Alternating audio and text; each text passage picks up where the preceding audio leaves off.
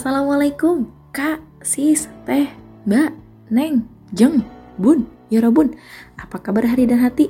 Masih di situasi pandemi? Sini-sini, mood ditemani di Mood Booster. Gak usah banyak lalai langsung aja kita bakal ngomongin tentang insecure. Bukan manicure, apalagi pedicure. Oke? Okay? Siapa yang di sini insecure melulu?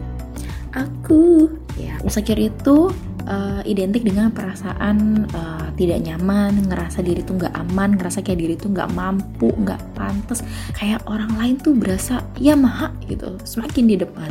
Nah kita itu kadang suka ngerasa insecure pertama tentang kondisi fisik kita ya nggak? Yang mandangnya tuh kita nggak lebih cakep lah dari orang lain gitu ya. Orang lain glowing gue kantong kering ya enggak atau enggak kita juga suka insecure nih karena pencapaian orang lain. Misalkan kondisi finansial pekerjaan ya di umur yang sama kok udah jadi someone udah punya something ya sedangkan kita nganggap diri kita tuh kayak nothing gitu. Bisa juga nih, kita suka ngerasa insecure tentang kondisi keluarga kita. Kita berharap idealnya begini, realitanya begitu. Dan juga urusan asmara, kita insecure sama masa depan kita. Di umur segini kok belum ada tanda-tanda?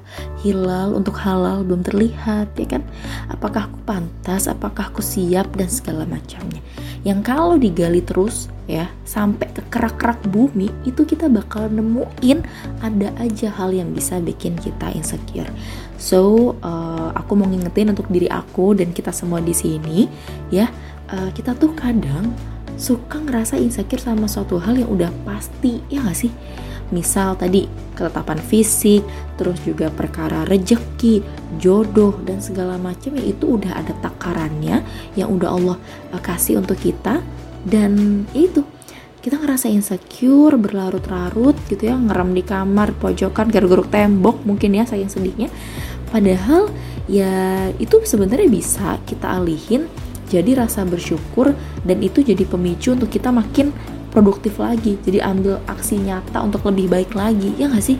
Dan yang terakhir yang paling gong banget sebaik-baiknya insecure adalah merasa cemas atas kehidupan akhirat kita mati itu pasti tapi ujungnya kita mau happy atau sad ending itu belum pasti mau gimana kondisi kita saat mati itu belum pasti juga so insecure lah atas akhirat kita dan yuk ubah rasa insecure itu jadi rasa semangat untuk beramal solih makin banyak.